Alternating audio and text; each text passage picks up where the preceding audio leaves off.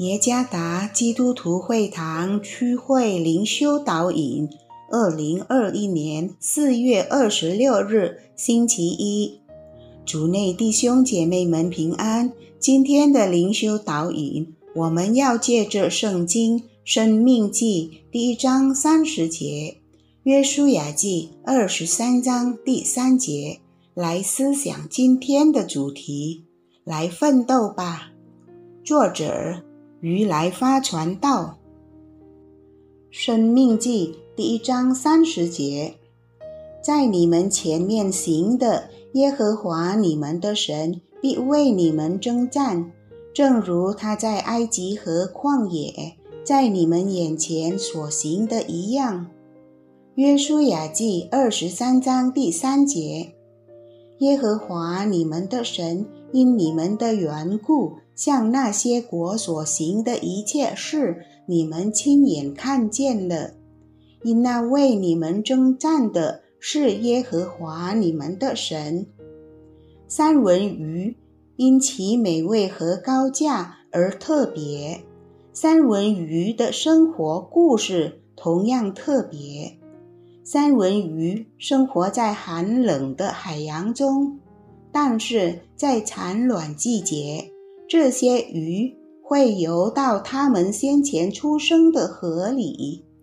三文鱼必须在急流中逆流而上，并跳过岩石墙。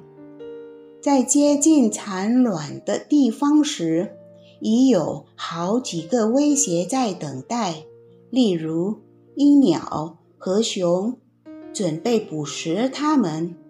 三文鱼做了什么呢？他们努力奋斗，直到终点。根据印尼大字典，奋斗意味着尽力而为，在遇到困难和危险时全力以赴。生活充满苦难，所以在一切事上，我们必须努力奋斗。例如，从疾病中努力奋斗以得康复，努力奋斗来满足家庭需要，努力奋斗于原谅他人。上帝的子民过去也是努力奋斗，以色列民必须为从埃及的奴隶制的释放而努力奋斗，他们也努力奋斗。行经艰难的沙漠，前往迦南地。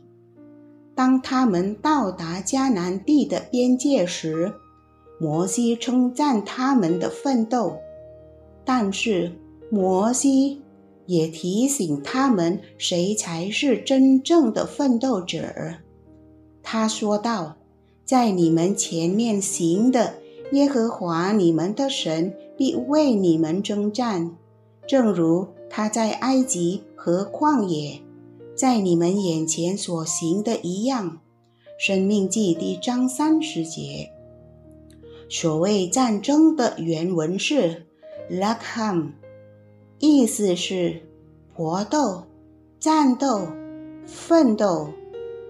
几年后，约书亚再次提醒：“耶和华你们的神因你们的缘故。”像那些国所行的一切事，你们亲眼看见了。因那为你们征战或奋斗的是耶和华你们的神。约书亚记二十三章第三节。那么，上帝的子民正在奋斗吗？是的，他们正在顽强地奋斗，但这。不只是他们自己的奋斗，上帝也与他们一起奋斗，甚至实际上是上帝为他们而奋斗。作为耶稣门徒的我们，也正在生命中奋斗。我们不是自己奋斗，而是上帝也与我们一起奋斗。这个真理应该使我们勇于面对生活中的挣扎和难题。重要的是，在这场奋斗中，仍然忠心与耶稣基督同行，并活在基督耶稣里，依靠上帝的力量吧。因我们奋斗的路程漫长，主耶稣赐福。